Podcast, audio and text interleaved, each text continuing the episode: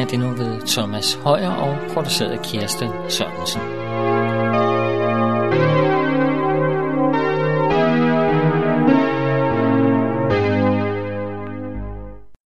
Velkommen til Notabene. Mit navn er Thomas Højer. I denne uge er det øh, en række andagter, der tager udgangspunkt i Paulus brev til romerne. Og i går så vi øh, ud fra øh, nogle af Paulus' ord i sit første kapitel i sit brev til romerne, hvordan mennesket er en synder og fortjener Guds vrede. I sit andet kapitel, øh, i dets første vers, skriver Paulus, Derfor har du ingen undskyldning, du menneske som dømmer, hvem du så er.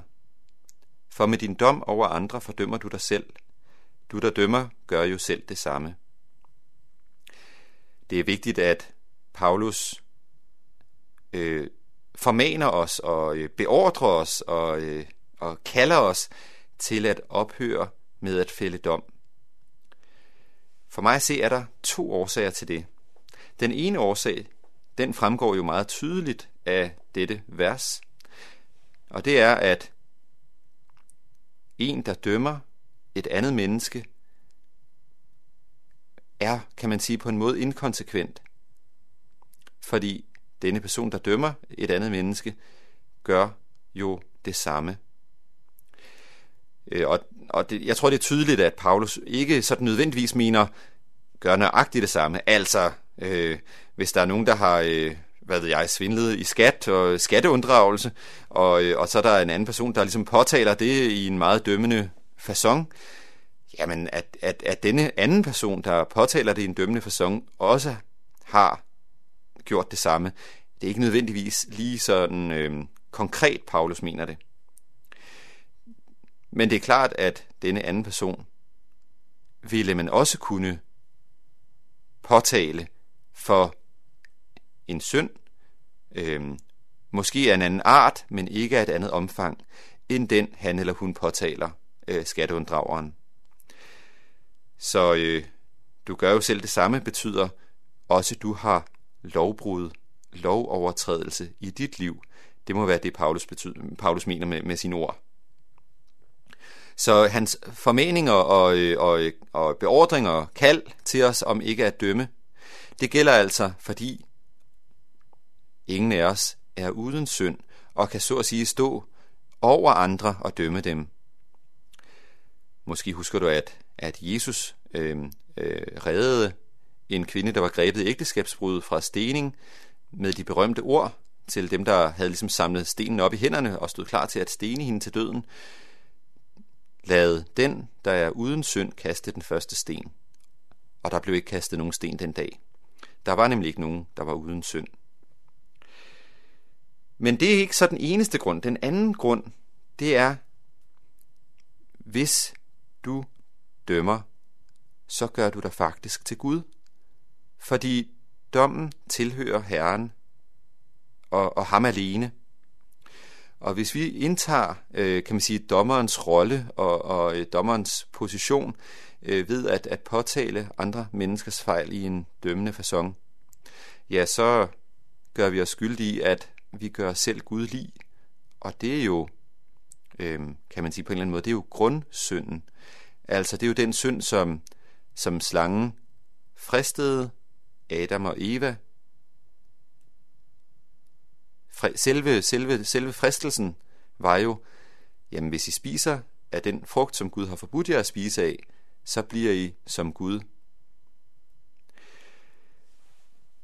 Så det var altså ikke smagen eller, eller synet af frugten, men det var effekten, som, som var så appellerende for Adam og Eva, at de lod sig forlede af slangens ord. Og det kan det også være, at dømme andre mennesker kan være en stor fristelse, fordi på en måde, så er det ikke blot at tale ned til andre mennesker, men også at tale op til sig selv. Når man skubber andre længere ned, så står man jo højere hævet over andre. Der er altså disse to grunde til, at det er forkert at dømme andre. Og det gælder internt i den kristne menighed, at en kristen bror eller en kristen søster, skal afholde sig fra at dømme en medkristen. Øhm, vi skal kunne formane og, øh, og, øh, og, og øh, tale direkte og, og, øh, og, og redde andre mennesker, fordi synd er farligt. Ingen tvivl om, at synd er farligt og kan øh, fjerne os fra Gud og ødelægge vores gudsforhold, og i sidste ende fjerne os fra frelsen og fra den frelste skare, der skal opnå den evige lyksalighed i himlen. Så vi skal, jeg, jeg prøver ikke at sige, at, at vi skal afholde os fra at, at drage omsorg for andre menneskers ved og vel og, og Guds forhold. Men vi skal afholde os fra at gøre det på en dømmende façon. Vi skal gøre det i kærlighed. Vi skal, vi skal finde ud af, hvordan vi bedst kan sige sandheden i kærlighed. Og så gælder det selvfølgelig også, om jeg så må sige, ud af den kristne menighed. Altså, vi skal afholde os, som kristne skal vi afholde os fra at dømme en, der ikke tror.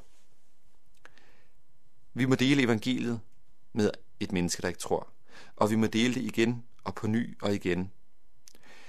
Fordi evangeliet, det er vores skat. Det er Guds kraft til frelse for enhver, som tror, som Paulus siger det i sit brev til romerne.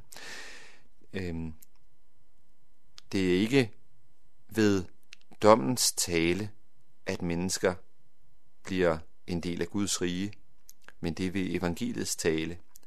Naturligvis, for at forstå evangeliet, har man brug for at have syndserkendelse, altså at se, at man er en synder.